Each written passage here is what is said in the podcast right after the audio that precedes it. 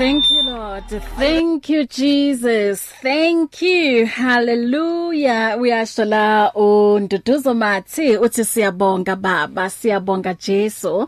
Eh phambi kwakhe uBenjamin Dube ethi yimi lapha uAyanda Ntanzi naye uphinde wasibusisa ethi wena Jesu. Ihambe njalo ke i3 songs in a row isikhathi 18 after 3 o'clock. Njengoba ngishilo ukuthi uma ngibuya ngizobe ngino Oh, bokamoso. Yeah. Hey, um Sanbonani. Le kae? Re teng lona le kae? Re gona. Eh, ngicela ukuthi ya nithi ukwehlisa kancane lapho kungabi ne echo ya ingadonselani i sound. Um lamanye angithani wathintanga. ama okay i don't know ukuthi sound le ibuyapi enzima kangaka yeah okay um kiyalamuhela muhayi ralebo thank you bokamoso yes eh wena mara yeah ngiyafisa ukukubona yazi mo wenza into zakho e stage I, I must definitely invite you. I must definitely make sure I invite you. Yeah. Yeah it's, yeah. it's a thing. it's a thing. Yo, um njengishilo ke ukuthi ngino bukamoso lata khomo and uno unoma unomama wakhe la. Eh kane mama ke manglibitso. Uh, ka lebitso ke mpho wa galata khomo. Mpho wa galata khomo. Mhm. Mm Men ngababona bazalwane ngathi usisi ngathi like a sister yeah ngathi abo sisters Mengibabukile nje angiboni umama nendodakazi ngibona ama sisters so um asiqale la indaba um mhlambe ngiqale eh, ngomama um sitshele nje kabanzi like sinikeze isithombe ukuthi ungubani umpho Okay, Galevora and I'd like to greet um abamameli. I'm not Zulu, I'm Yeah. I'm Bedi. Bolela so bolela Sepedi. Ke tlo hata ka Sepedi a bit. Mhm. Um mpho wa gala ta gomo o o tswa ka kwa go la Limpopo. And ka um, ka mshomo re ka mo Centurion mm-hmm. um mo momentum. Okay. And um ka mandilo re ka mo Semrent. Mhm. ke motswadi wa bokamoso who is now 18 years old mhm wa belegetsweng kwa go la le bwa gomo aha okay aha so the journey ya gagwe fela gore bedu ba ngwanola um wa go no ba very musical yeah mm, a rata o oh, mwaleng wa wa wa opela e, wa bina o oh, mapedi ba bina okay re a bina yeah sound wise um she yeah e be le motho e leng gore o gona go kwa eh, beat very yeah. quickly e yeah um bunyane yana nka no re e bile le nako tse ke santsane ke ithwele ka yena mm. e be ke le motho e leng gore maybe ke driver ke yena ke be ke tla tsoga frogo then ke die tja ka ntlong ke bereke from there ke yo ya maspiling mm. kabina okay eh so i was active as a dancer ke santsane ke moruele yeah eh. horar ntho uyinkile mo wena yeah ricarialo because i was a ballroom and latin um professional dancer mhm mm yeah mm so into yasekhaya le eish re ka re nyantse mara go tjwa kae gona ke tsebe fela yeah re nyantse somewhere yeah bokamoso mpotse ka wena ke mang bokamoso Uh Bokamosola Tsagomo e, e, is the daughter of Mphola Tsagomo. Mm -hmm. I am a dancer. I'm a I'm an artist yeah. at heart. Yeah. And I am a daughter of the most high God. I am I have I love art. I yeah. love art uh all different types of art and I have always been somebody who is musical. Mm. I've always been somebody who is outgoing. My mom always said I'm an activist. I yeah. speak yeah. a lot. but I love to speak on things matters that are important uh-huh. uh, to me. I love to speak on matters that will change somebody else's life. So I am uh, very unapologetic about my personality and I'm mm. very uh, unapologetic about the word of God in my life. Mm. So hmm. I've seen him work yeah. and I've seen him, you know, birth things that you can never say mom gave to me. Yeah. You can never say I saw mom drawing and she wanted this. Yeah. Uh so for me that has been the driving force in everything that I do and um yeah, dancing, acting, modeling, it's it's me. That yeah. is me. That is Bukamuso. So awusimpo uh, nesa ho makatsi nje into oyibonang like talent oyibonang mo Bukamuso. Um mathomong gore bokamoso gore a tla ba be moaleng yeah it was um i remember ga thoma grade 2 ko sekolong o ile a chabela dancing class oh. nna ke sa tsebe so ke makata ke bill e tla ire e 4000 sure and kare awa mrutishi nna ena se ke sign filo mm. so i will not be able to you know fund this mm. because mm. one thing e nngwe re e ile ya mpula mahlokore eh talent ya tura mm, mm. and go igrooma le gona go a tura mm -hmm. so ge ante a ya ngonoki then from there the, in the in the next the following year after ke bolela le morutiši gore yeah now do we cancel ngwana morena mm. because i will not be able to ke pie matsogo because i did not sign anywhere yeah ya ba le gore ke moka wa dira wa i e cancela ka nnete then from there thoma ka leswa um bokamoso nasa nki na eli a very shy person Mm. Wa mko o robolela jwa mbeli yeah. e be ile a shy person. Uh -huh. E be ile motho leng gore le ka classing nka se re e be a le um bad but e be e se motho a ke kirang di top 20 and the likes. Mm -hmm. After she took on this talent Adira grade 3. The first performance the whole year she was just being being trained. Mm. ka ngwaga o latelago a tlo thoma her first competition that's when ke thoma go receive mangwalo from ko sekolong gore ngwana is performing eh eh tlo tlo grade award ja ja ka classing she's mm. doing good mm. she's a top 20 and the likes it boost even her confidence mm. to a level e leng gore be ke ile ka makala gore a nna re tsebe dilo tja go bina di ka dia motho a beso yeah eh le ka sekolong mhm. ha ntshi bile ga geshu nna e be ba ntpotloga ba re botja gore o a sekolong fela yeah o bo sa nke o e, tlhakatlhakana le dilo tja go bina mm, eh mm.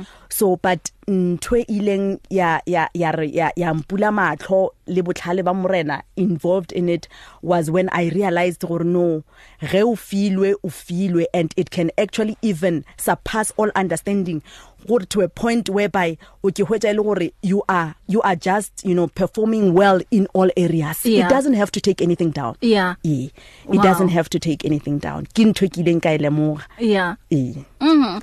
So wena bokamoso um wa dancer ko sekolong wa actor um, wa modeler yeah uh-huh so when it comes to that man the time ke ke thoma go bina um I was dancing at school in yeah. primary uh-huh and it it was quite an experience but from that i became building an identity you know yeah, that this yeah. is who i am everybody started knowing me as the dancer and um going forth then you know it became an extramural when everybody else was going to netball going to soccer for me i had to sacrifice all of that and i loved sports i, mm. I hmm. love being active so i had to sacrifice uh, certain sports um to do dancing mm.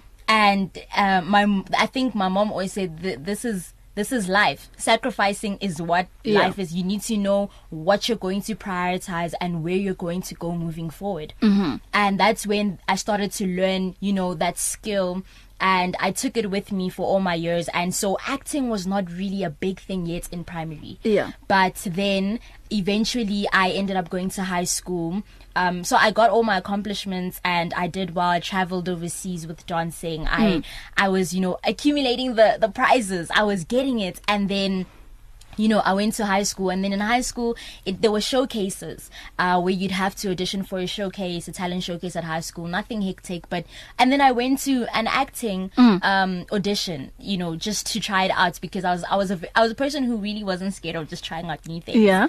And when I tried it out, I remember the head of drama at the time was like, "I want you to be my lead." Mm. So I I was really shocked. I, my lead really are you sure me um but i enjoyed it immediately when i started to do my monologue and started to speak every line just made sense i started to become that character yeah. then uh I realized that okay I actually enjoy acting but I wasn't necessarily it wasn't my main thing. Yeah. And I remember even for me not to get or to actually do the lead character was because I had chosen to do athletics rather than to act. Mm. So I was I still wasn't really fighting for it just as yet. But then uh it was time to choose subjects at school. My mother uh, I'm like, "Mom, I think I should do drama. My the drama teacher wants me to do drama, mm-hmm. you know?"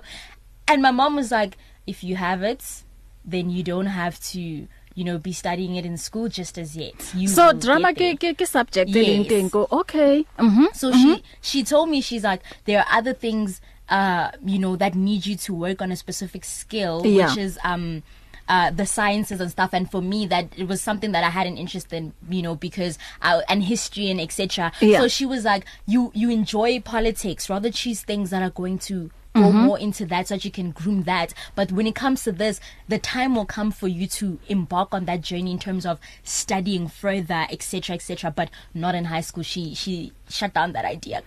completely mm-hmm. um but it never stopped my passion for dancing never stopped my passion for acting either and I just continued with it mhm so uh, no no na le yona vela a dream ya hore tsatsi le lengwe ipone o flyer eh uh, o ya abroad Um that is an amazing question. Honestly, uh when I started flying, I never I never thought of it. I yeah. mean, my whole, you know, agenda, my whole thing was I really just want to dance. Yeah. I don't care about the rest. I want to find myself on a stage, hearing that beat, letting my body move the way it should. But then as time went by, it became so serious where, mm. you know, my whole family was like, dancing can go this far. Mm. You know, dancing can take you on a flight to go represent South Africa wow. in a foreign nation uh-huh. and come back with a win, get interviewed by newspapers, you know, get people were singing at the airport wow. when we arrived. It was hey, such... man, Bukamos, when was this? this was I think around 2015 2016. Okay. It was around So that by time. that time you were how old? I was I was uh th- 12. 12, 12 years yes I was 12 years old yeah and I I had just come back um I think it was from Italy uh yeah, yeah mm. I just we come back Italy from first. E, yeah mm, mm. I just come back from Italy and it was crazy it was amazing it was fun but then I never knew I would get so I wouldn't say comfortable but so used to flying yeah?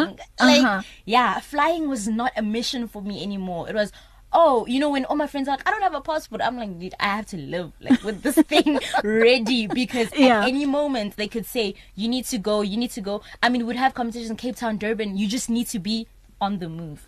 and yeah so you want to tell me hore your passport ina di stamp tse ding chin chin chin chin yeah but i renewed it now i renewed it it's been a while it's been a while but yeah, yeah so i never thought i would i would be going overseas to represent in any way but it happened yeah. and and yeah. that's just God's yeah. will he will never you know you you are so limited the carnal mind will say no this is it you're mm -hmm. just mm-hmm. going to go to a stage Sun City is it for you because that's the first competition yeah. I went to was that Sun City Battle of the Giants at the Super Bowl, and um, that that was the you know I was used to just the locals, but then uh, that's when God is like, I'm going to expand you mm-hmm. further. And, uh, you know, your name, you will be known. You will be mm. written in that newspaper. Whether they know of you or not, the fact that I will put a print, you know, I will use you yeah. as my child. So that is, I just never knew it would happen. I never thought of it. so bokamoso se tsa kopane le production team ya Tyler Perry Tyler Perry bona yeah yeah um that is yeah a different story i i have met the independent casting director of yeah. Tyler Perry Studios Raven Drama and uh, she actually uh, took an interest in me yeah and enjoyed my acting and she commented on it so it was quite interesting. Yeah. yeah. um but I am honored you know uh to have somebody of such high caliber and rating to comment on my acting something that like I said wasn't a main thing for me. Yeah. But to see that you know when you are hungry for something when this is in you um no one can deny you. So you are ready to pursue your dreams I go US. so ready. I am so so rich a kopa le ntlhalosetseng e ya nong ya go ya go USA so o tla tsamaya a ile dula go USA or go etsagalang e re mama ntlhalosetse pele okay so bokamoso o ile go showcase yeah um in this showcase uh yena ibano e nyo kono buncha talent ya gagwe yeah from that showcase okay then they had to be selected for a callback yeah then she made it for the callback and the callback yabona this callback remember how there are the, the auditions and all that mm. ba ubita for a callback because they want you to now go on to another level mm -hmm. so a callback ya gagwe e go New York okay yes so she's been um uh, showcase uh, ne ile ko kai ne ile e mo um Krugersdorp oh yes okay so um, she's now um a uh, requested gore a tlo a tlo a tlo tla for callback ya gagwe ko New York mm. and she has to be there for 10 days mm? in New York where she will be in front of uh, the well-known uh, people like uh I'll be I'll basically be representing South Africa number 1 and number yes. 2 I will be um giving off my talents to people like Universal Studios, uh-huh. Warner Bros, Netflix, um New York Film Academy, yeah, etc. Uh-huh. Yes. Mm. So that's the callback ya yeah, showcase abaidira. Mm. Ke go ya le go bua. Okay. This one. and then in the midst of her doing her showcase that's when Amda was present mm. yes so Amda is a college in Los Angeles mhm mm and New York it has got a branch also in New York but mm. ba munyaka ko LA mm. so ba rile then ba mo offer a scholarship ba rile mm-hmm. ba ibona e able ba mo offer a scholarship for 4 years oh yes gore atle a study she ko ko amda which is a partial scholarship mhm mm ehe so o tsamaya neng so um the IMTA o sepela ka July Mm -hmm. So just play July and then for 10 days and come back. Okay. And then the school yako amna ithoma e ka September which is their fall. Mm -hmm. Yes. So meaning hore September this year ha tsamaya o tlo tsamaya for 4 years mara antse atla tlo atlo chaka. Yes. O tla ba tsamaela school ka September this year. Sure. So rona ge as um family ya Radio Pulpit re mo supporta yang because we want to support um talent e. Well bokamso kare likwa um I'm a single mother. Mhm. Mm um re tshepetse fela go morena gore you know to come through for us and Lelena uh ba batelegi and yes. and the family yeah. you know to to just um whatever bucket whatever has been put in the bucket really it will go a long way yeah. so IMTA inale an an an account whereby barile re, uh, for any sponsor sele swetjang mm. we are willing to to to handle the funds in our account with the reference number ya bokamoso okay that will be saying bokamoso lata home so that they can just know where these funds have mm. come in mm. for her yeah yes so that's the IMTA one and then AMDA yona ya skolo e leng hore e tlo thoma ka the fall because I'm directly doing the the the the balance due. Okay. Yes, that yeah. is expected which is about $43,000 dollars mm -hmm. um for the for the first year. Uh, that one uh, it's mostly going to my account. Mhm. Mm -hmm. yes. Ke bokae $43,000 go ka ka di rents? Um so it's roughly about 656,000. Oh! right. Sorry, Bukai. yeah. That is half a million. Yes. Mhm. More than half a million. More than even yeah, more than half a million. Yes. Wow. Yes. Kore so, already for this uh, Bukamos. Honestly, this is this is my dream yeah. come true. Yeah. You know, when they say live your dream, this is literally me. yeah. um going you know wherever i can to get what i need to live my dream because mm. uh i think mom can even you know attest to this is the fact that i never wanted to study in south africa mm. never wanted to study in south africa it was something i said i think like grade 10 i was like mom you forget about it. I'm not going to a university in South Africa. And I think uh, my mom, her friends, her colleagues would even ask her like, and then one way guy, she like, guys, if you if only you knew Mm. If only you knew that my daughter does not even want to be here.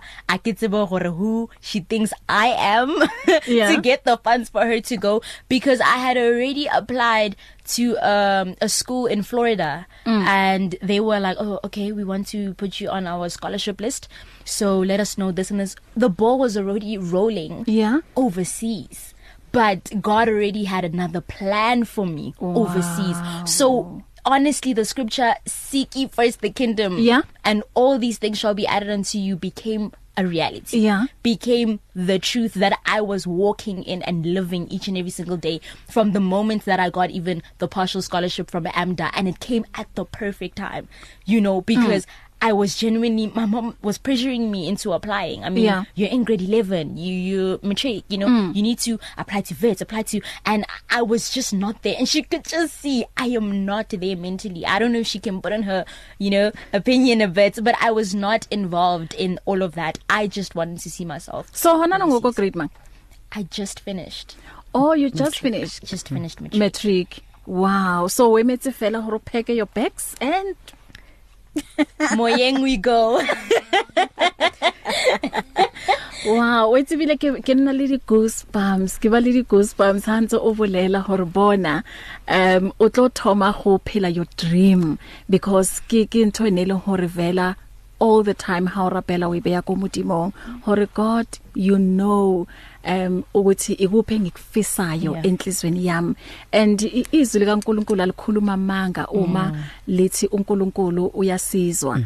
and uyaphendula yeah. lapho sicela khona and and and he knows exactly hore ena ke yona ntho e leng hore e aligna le leng purpose yes True. wow 1539 eh ke na le bokamoso latakhomo kanye no no mama wakhe umpo mpho wa ga latakhomo yeah yeah um njobezwi ubazwile ke ubukamoso angathanda ukuthi simsupport bazalwane kuleli phupho lakhe njoba ke umama eshilo la ukuthi yo kudingeka Mm. Ngisaba nokuyikhuluma bazalwane. yeah 0123341322 uma ke uthanda ukukhuluma nabo o mhlawumbe nje wena ikhona isupport um ongathanda ukubanikeza yona kungaba nje even nokuba nokumkhulekela um ngezinye indlela zokubonisa ukuthi ngempela eh siyamsupporta ya 0123341322012333 0891208699 eh khuluma nabo ke uma sibuya ngalanga We are here 24 hours a day with the message of hope, faith and love on 657 AM. Well, there is a time to search and a time to give up, a time to reap and a time to sow. Radio Pulpit wishes to be there at all times, even when you just need prayer. Send us your prayer request by calling 067 429 7564 or email it to prayer at radiopulpit.co.za. 657 AM. Sindawonye kuze kuyoshaya o5 o'clock sijula ezwini sicwila ezwini la ku Medium Wave 657 sithole na ku DSTV Audiobook K882 noma ulalele ku um Radio Pulpit app na ku OpenView channel 607 ke nale bokamoso la takhomo kanye no nomama lam umama kabo Kamoso Mpho Latakhomo njoba ke uzokuthi ay lentokazi i talented bazalwane so leli phupho lakhe um uyathanda ukuthi ke simsize ukuze ke lifezeke njoba ke ngoSeptember azohamba uyako LA or uyako um uyaka LA New York yeah. I definitely chose LA. LA? Yes, yeah. Why cause... LA? I've always it's so I wouldn't say it's weird. God is God is just crazy. yeah. I've always loved LA. Yeah. I remember my friend is my friend asked me, so if you were at your happiest, like how would you picture, mm. you know, you being at your happiest at this moment? Yeah. And I remember mentioning to him, I said, if I was to have a speaker, mm-hmm. be around amazing friends and see myself dancing on the streets in LA. Wow. I will be my happiest. so, so when yeah. they said there's a brunch in New York, brunch in LA, I am so invested in dancing. So mm. I I pick up on the places that you know you need to be at to grow a certain level or mm. where you can be. And when I heard LA dancing and acting fall into one category there mm. and it is the perfect place to grow yourself. So I chose that area. Mm. Ikupho ngathanda ukukusho kubukamoso 0123341322. I know ukuthi bakhona ama businessmen out there okuthi um o ongasho nje ukuthi abantu ukuthi bangama giver you know okuwukuthi uNkulunkulu baphe leso sipho mm. sokuthi uma bezo umuntu athi ngicela lokhu ningisize ngalokhu ba ready all the time ukuthi ke bavule izandla zabo neinhliziyo zabo mm. noma kuukuthi angeke bashaye ucingo la ngoba ngiyabaza abantu abanjalo abantu abafuna ukuba izinto zabazenze private uyabona yeah eh kodwa nizwashiya ngithi ama contact wenu meni meni zophuma lana yeah so mhlambe lapha ekhaya kukhona nje uthanda ukuthi um umsupporte ngakho or amazwi nje ukum encourage eh, ubukamoso 0123341322 0123338699 ngiyanithemba ngiyazi ukuthi ningumndeni omuhle ngiyazi ukuthi futhi ningumndeni osupportanayo ngazo zonke ikhathi ngakho ngithe woza woza bukamoso eh, uzokhuluma nathi woza uzokhuluma nomndeni ka Radio Pulpit usitshele ukuthi ikuphi okudingayo ukuze ke eh, sizo sizoma in the gap yabona em sizokhuleka nawe ngoba nanoma ungale mm. uyabadinga abantu ukuthi ngazo zonke izikhathi bazohlezi benawe bakukhulekela sikubonisa nje isupport ngeendlela ezihlukile phela wena wala noma ungahamba uye LA kodwa you are a South African okay singithatha omunye ngala sawubona Jumelo semoyeni hello how are you i'm good and how are you mama I'm all right. Re bua le mang? Yeah. Le bua le Imelda. Okay, ma. Yes, I was just listening to Bukamuso and her mother. Uh-huh. It is such a blessing. In fact, I actually know them very well. Oh, okay. And it is, I'm just sitting here thinking, Bukamuso, I, I don't think we've ever dreamed of hearing you on radio. Wow. And even knowing that you know, uh, the whole world, South Africa is listening to you right now, and yeah. that you'll be presenting South Africa all over the world. I'm actually getting emotional, but anyway, oh. but we really thank God. I've seen the journey, and it has come a reality as you have been speaking. I think yeah. you know when you when you're living it, you're like you're not thinking it. When you're saying it, you're not really seeing it. You know, yeah. they say walk by faith, not by sight. Yeah. But we, we kind of seeing it by side, but at the end of the day, now I'm realizing it's reality, it's happening, mm. you know. And yeah. so we thank God. And so Bukamuso, go shine. We'll be praying for you. We'll be cheering from South Africa. And I really pray for the best for you. And we'll be looking forward to see you even go beyond mm. what where you're going in LA and just representing the world more especially more importantly shining yeah. the, the you know God's um talent that he has given you you know showing showcasing not just your talent but the God that is in that's within you. So really, we are proud of you, Bukamuso, and we'll be cheering cheering you forever from now and going forward. Like I'm saying, it has sunk in. Like today, it has be become a reality. Yeah. So we are in full support of everything. So yes, thank ah, you. God ah. bless you. All. Thank you, thank you, thank you. God bless you. Kukhona enthanda ukusho kumama? Um my beautiful auntie Mal. Oh, that's your auntie. okay. Um thank you so much for the kind words. I cannot even say much but you have seen me grow you've been a mother in my life so I am really thankful for the amazing blessings and wise words that you've given me and may we continue to walk this journey together Amen, oh. amen, amen, amen. we, we will continue soldiering on also in prayers. Amen. Well. Thank you, Auntie. Amen. Thank you. Bye. Bye-bye. Um asithathe umunye ngala sawubona dumelo semoyeni. Hello, is this Radio Pulpit? Yes, you are on air. Oh, you're speaking to Thabangla Tsagomo. Okay, ma. I mean, I mean, I'm sorry, I'm her uncle. Excuse my language. Oh, u uncle oh, uncle, uncle Dropil. Uncle kokupa ubuye gape tu. okay, um u u Mary Lesiani ngale e Midlands uthi uthi bona bokamuso, bokamono bokamuso steady is a multi millionaire. Mm. uthi it is done hallelujah Amen. Amen. so bona that um 600 and what what uh a thousand it's nothing because your daddy is a multimillionaire so uzoyikhavara mm. we don't know how but uzoyikhavara amen that um half a million or over half a million.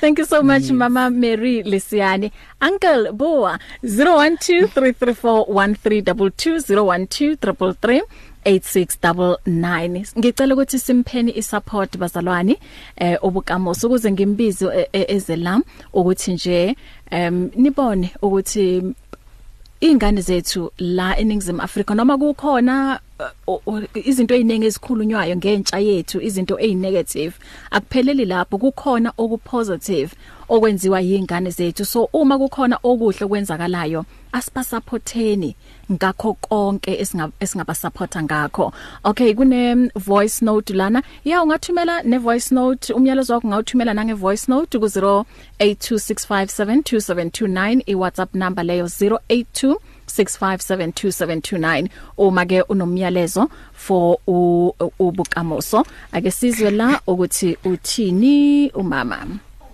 ke a go dumediša sebahle le mmago bokamoso le bokamoso ka leina la jesu kreste amen ke leboga mmago bokamoso go ballegile gore ga o reela ngwana leina o be careful go leina le o mo reelago lona gobane mmago bokamoso o rile ngwana ke bokamoso ka nnete o latela bokamoso jwa gagwe bokamoso re a leboga modimo ka wena ngwanake tswela pele o bile bokamoso jo bo botse mo o yago ntse modimo a be le wene a go šigeletse go dulu ka moka halleluja amen ke umam simelane wa lailangavile extension 8 Oh umam Simelane ha umam Simelane o o multilingual niyamuzwa mm. Watsiba asibulela gabotse sepedi asibulela gabotse botse botse nna kere ke mopedi ha a shuwa bo hape ukhuluma ngesizulu yeah 0123341322 noma thumela uh, umyalezo wakho nge voice note ku uh, ku WhatsApp ethi 0826572729 unga SMS na ku 37871 bukamuso um ukuthola i support from your parent kubaleka kangakanani um it is so important for your par your parents sorry to mm. support you yeah. in your dreams um one thing i am so grateful to my mother for is um really pushing me to dance yeah she pushed me as much as it looks like I pushed myself because I went mm. to that mm-hmm. lesson on my own. Yeah. you know, she she really um pushed me to continue dancing. She would um tell me to practice she would mm. take me to practices you know my mother would stay um outside our hall when we were practicing for more than you know 5 7 hours waiting for me she would go in mm. work meetings she would sit there in the cold whether it's raining whether it's hot she would sleep there wake up she would literally make sure that i am at practice and i will she will be there when I'm done. Yeah. Um that for me pushed me to continue to uh level myself up. Yeah. Um it gives you so much confidence as an artist. It lets you know that you have somebody who's going to support you no matter what and mm. because of this push Yeah. Don't stop. Mm-hmm. Don't uh, find yourself slacking. If you need to get a training, if you need to better yourself as a dancer, if you need to get if you want that first place, mm. that first place is not just for you, it's for all the times your mother drove you, all yeah. the times there was petrol involved, all the times there was money involved. Mm. Competitions are expensive. Mm. Guys, they're my mom said it earlier that talent grooming talent is so yeah. expensive and many people have dropped out mm. of that you know journey that road because of how expensive it is yeah i mean just to do a, a small solo or whatever there is a fee for every item you do mm. there is a fee just to enter the hall There is a fee to get to the place. There is a fee for everything. There is a fee for choreographers.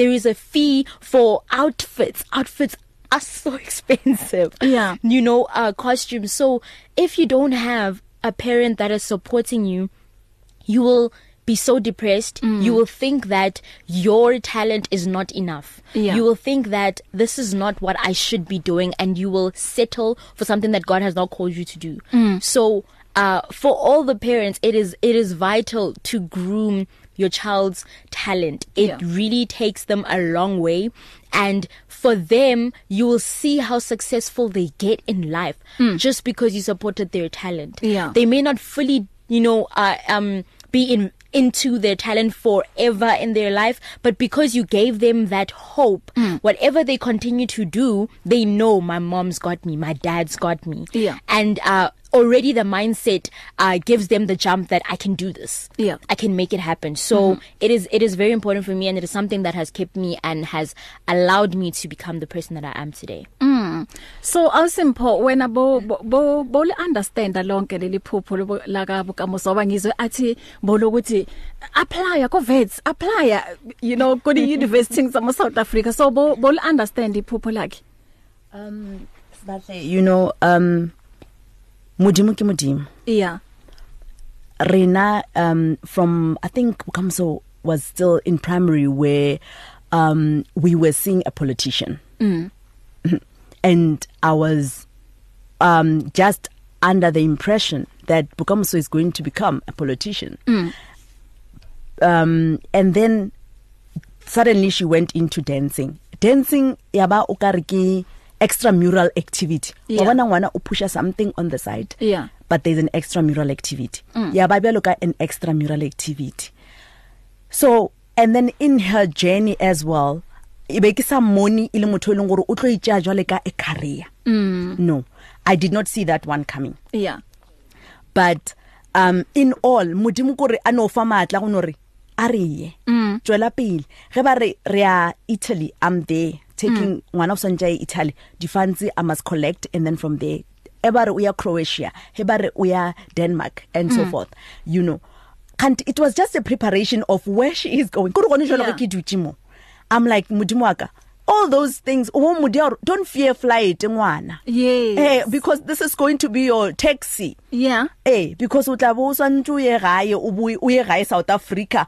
utjwa skolo uh-huh. ehe so it was more like it's a preparation all in all nabe kidoba somebody who was just you know in the midst of it to just witness mm -hmm. to just witness and support and and and God made made his his ways to say okay um eh uh, reka ing ing tlogela eng eng mm, mm. from there support this dream support this yeah. nna ke ije jalo ka an extra mirror la ngwana o no rata ntwiki mara ke sa e bone hore modimo o re mm this is where i'm taking her wow. so sometimes ibile ge ke ge ke lebelela ke re you know sometimes re rapela dithapelo tse dinyane mm. eh?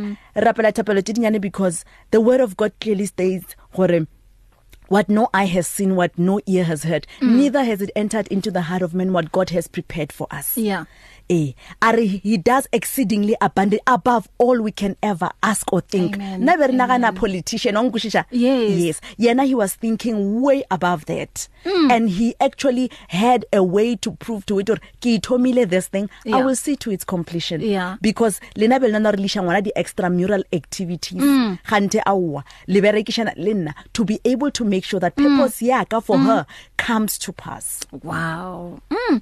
asiyela ku voice note sizwe ukuthi uthini la ubudi Yes, Bukamuso, I called in earlier. Mm -hmm. This is your uncle, uh, Tabang Latahomu. I am so proud of you. Like, words can't even begin to express how proud I am of you. I wish you all the best, and I say, with everything, Everything that's happening with God, it's possible. Nothing is impossible.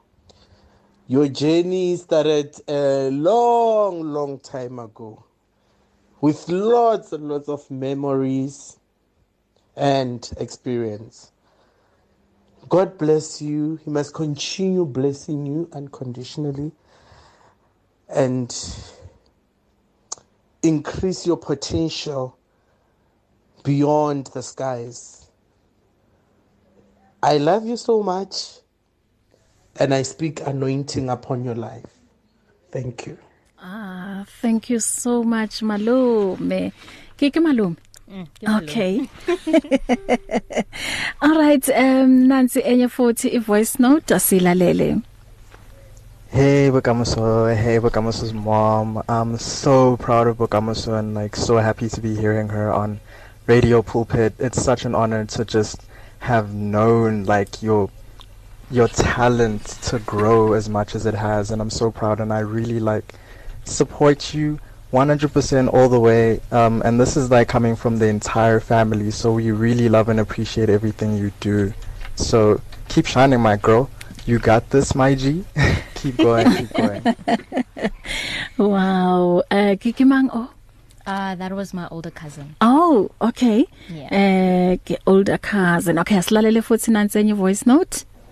Hi Kukamoso, this is your favorite aunt Mankwana Masemula. We are very proud of you, girl. Please fly the flag and make us proud.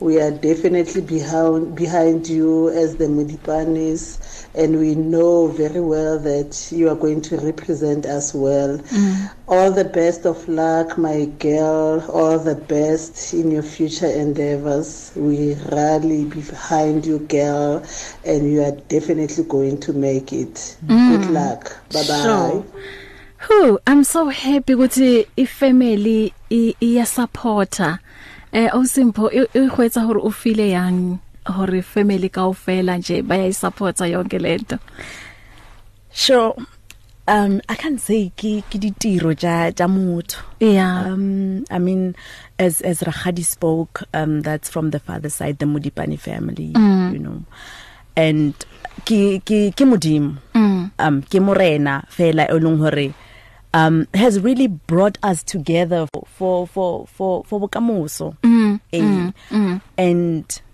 bagageshu i mean bamba limpopo right now as as as the messages are coming through and ke ke ke laboga jehova mm. ke laboga morena i mean had it not been for the lord who had been by our side yeah we could have been devoured yeah but morena o o tlisha dilo tse leng hore you you will never put them together on your own effort yeah mm. so this is this is why I'm I'm sitting back and I'm like you are showing off lord yeah yeah yeah because wa, that's wa, who, wa motiva that's who he is he yeah. just shows off and anyaki for you to mess up uh, yeah. or, or or to get into your hands dirty in the midst of it all yeah let him yeah you will work it out together yeah. for the good yes. you know all all things yeah. they work out together for the good to those who love him Amen. and that's what i'm seeing at this point in time wow arinke omongmo sawbona dumelo semoyeni eh ke dumedise ka ditse la morana Jesu Kriste Nazareth amen eh ngwana gore na ke ntse ntse o itse go monate go monate ah, man go monate ke buela mo mo mothong o ke le mosha ya ka mo motho mosha mm. a go nna ntse monate o e batle ya ka o le motho mosha mm. and ke mo dimo a go nele eh, mpho or talent and ba go le ba e supporta e le ka ba gore ba tsweletsa ntho e ntate modimo a go e neile so ke le bogamama wa ka ke le bogela bo mama botlhe ba go le go tlekele le boga eh bokamoso a tswelele a tsweletse modimo a se dilemogele modimo a kgotsa motsogofane ke brother o leboga morapiti a le mo northern cape mo kato oh brother amen re a leboga brother uh, o lebogeng morapedi o ka rata reng ko amen okay thank you so much bless you abuti yeah um uthanda ukomenta okay Ngicishile la. Yeah. mhm. I'd love to comment on that. Thank you so so much for that uh you know to hear an unfamiliar voice yeah. um you know Nagana ko northern right somebody out there yeah. is listening and somebody out there sees how you know how I am I am really just flourishing in in what I'm doing yeah. and I am so thankful for the kind words I'm thankful for the support and the encouragement it really does go a long way so God bless brother or is it Olebogeng Olebogeng yeah thank mm -hmm. you mm-hmm. very much mm. arinke ya bofello bese siyavala i voice note Hi, Boka. It's Karabo. I'm super, super proud of you. Keep doing what you're doing and preach, girl. Preach. You, you go, you're going places. Hi, Boka. This is Shorty. I just wanted to say, um, God has already laid the foundation for you, mm-hmm. and He knows the plans He has for you, the plans He has in store for you. Just keeping you, keep Him in your prayers and keep going. Hi, Baka. It's Portia. You know I don't want you home, girl. Fly high, baby girl. And Nilana. You are going, baby girl. We are getting that money. We are getting it. Child. Yes, yes, yes, yes. We are getting it. Noma kanjani. Okay, um umonga ashumo arekwaleka yena. Yeah. Mm, esingaki sibusiso. Siyabonga, siyabonga, siyabonga kakhulu. Ubukamuso akaflye. Mm. ayokusho ezizweni mhm. asigqamise nathi eSouth Africa uNkulunkulu akambusise uNkulunkulu amenzele kahle andise konke njengoba esho uDeuteronomy 28 mm. ngisho kubukamuso nomama kabukamuso ukuthi zizokwanda izibusiso kuyogcwala ikhwama kugcwala amaqoma kugcwale konke njengokusho kwaDeuteronomy 28 ukuthi uma ulalela nokulalela izwi lakhe uJehova uyakwandisa ibusiso akube njalo kubukamuso nomndeni wonke siyabonga siyabonga siyabonga uNkulunkulu anibusise uRebecca Mutaung ePhiri eSoweto Amen amen thank you so much mama hey uyazizwa leyibusiso zonke bukamuso so awukhonagale a o khonahale hore modimo a ka etsa gore um that amount of money o ile e hore wa ithloka e ithlokahale e it will be mm. there kwamanje asazi kanjani but yona izoba khona ngoba siyamethemba uNkulunkulu ngithi nezithembiso zakhe eh zime njalo azishintshi okay hey wabona nako eh kuyona nje eyenza ukuthi mina nani manje sihlukane kodwa ngiyabonga kakhulu eh bokamoso oh kunomunye futhi uthumele la okay asilaleleni masinya hi bunga is your green at palaborwa i'm very proud of you my girl god bless you keep it up modimo a go tlhonolofatse ngwanaka a go godise a go fe bophelo o fete koko ka bophelo ruri ka nnete ke go rata rati rati le modimo wago nka thaba kudu-kudu-kudu e nka re ke sepela mo lefatsheng ya bane o tso boa america o feditse jaaka ja america tsotlhe ka moka re di bjago modimo amen amen koko sa bona dumeleso moyene you know uh, yeah eh, yeah you save the best for last you know this is this is this is Vukabuso's uncle oh uh it's Ponko mm -hmm. she, yeah I'm sure she she she she will tell you like the art is in us you know yeah I'm a sound engineer I'm a DJ oh. so um, Vukabuso grew up dancing and everything we saw yeah. her doing her thing yeah and she will take South Africa to the next level wow Wow. But I'm also good luck.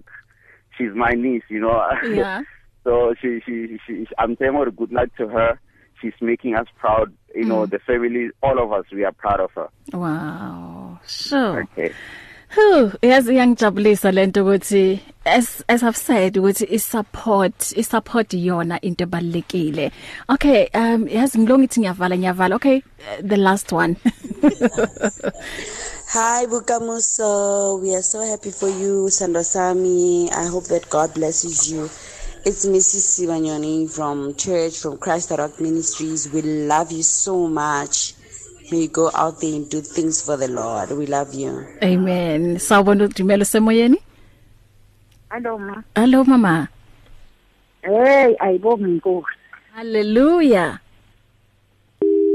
aw uhambile umama ah okay aregwaleng um sicela nisiphe ama contact wenu bani contacta kuphi abalaleli uma bathanda ukukhulu uku mhlawumbe ukuthola more info um yeah nitholakala kuphi Okay. Um I think um my number my cell phone number is 081 Mhm. Mm 491 mm -hmm. 4192.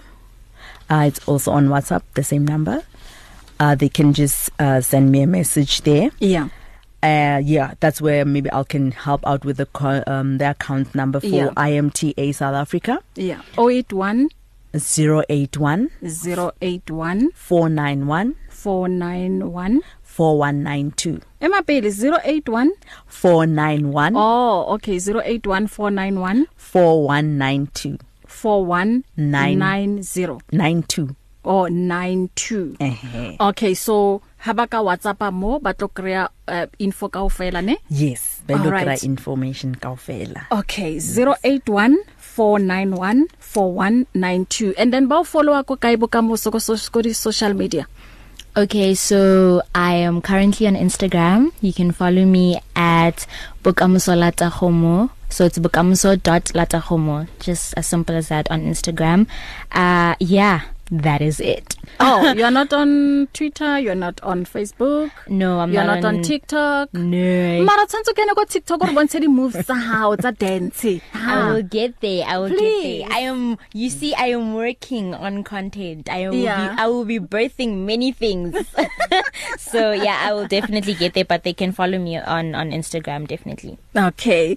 Thank you so much. Go to Instagram bane bokamoso bokamoso.lataghomo. Oh, bokamoso.lataghomo and then then iWhatsApp number kamama kabokamoso 0814491492 yilapho ke uzothola iinfo yonke mhlawumbe uma uthanda ukusiza um um njoba si uh, eyidinga isupport ukumbiza kwami laba zalwane ukuthi sizomnikeza isupport yonke nje um asikhetha ngithi ukuthi iyipi support isupport nje onayo ngicela ukuthi sinikezeni lengane ya ngoba uyo representa thina bazalwane ngale phesheya kolwandle thank you so much mudimo ahotse khofatse eh bokamoso ngiyazi ukuthi uma eh, sengikubona lapha ko Netflix angeke ngimangala ngizihlukihle nekinhali yena ku studio yeah God bless you. Um ithike sibaphelezele la ngalomhlabelelo kaGugulethu Nkutha ethi Open Heaven ongakhohlwa ke after 4 ngizobe ngino Romeo and Faith Mabasa.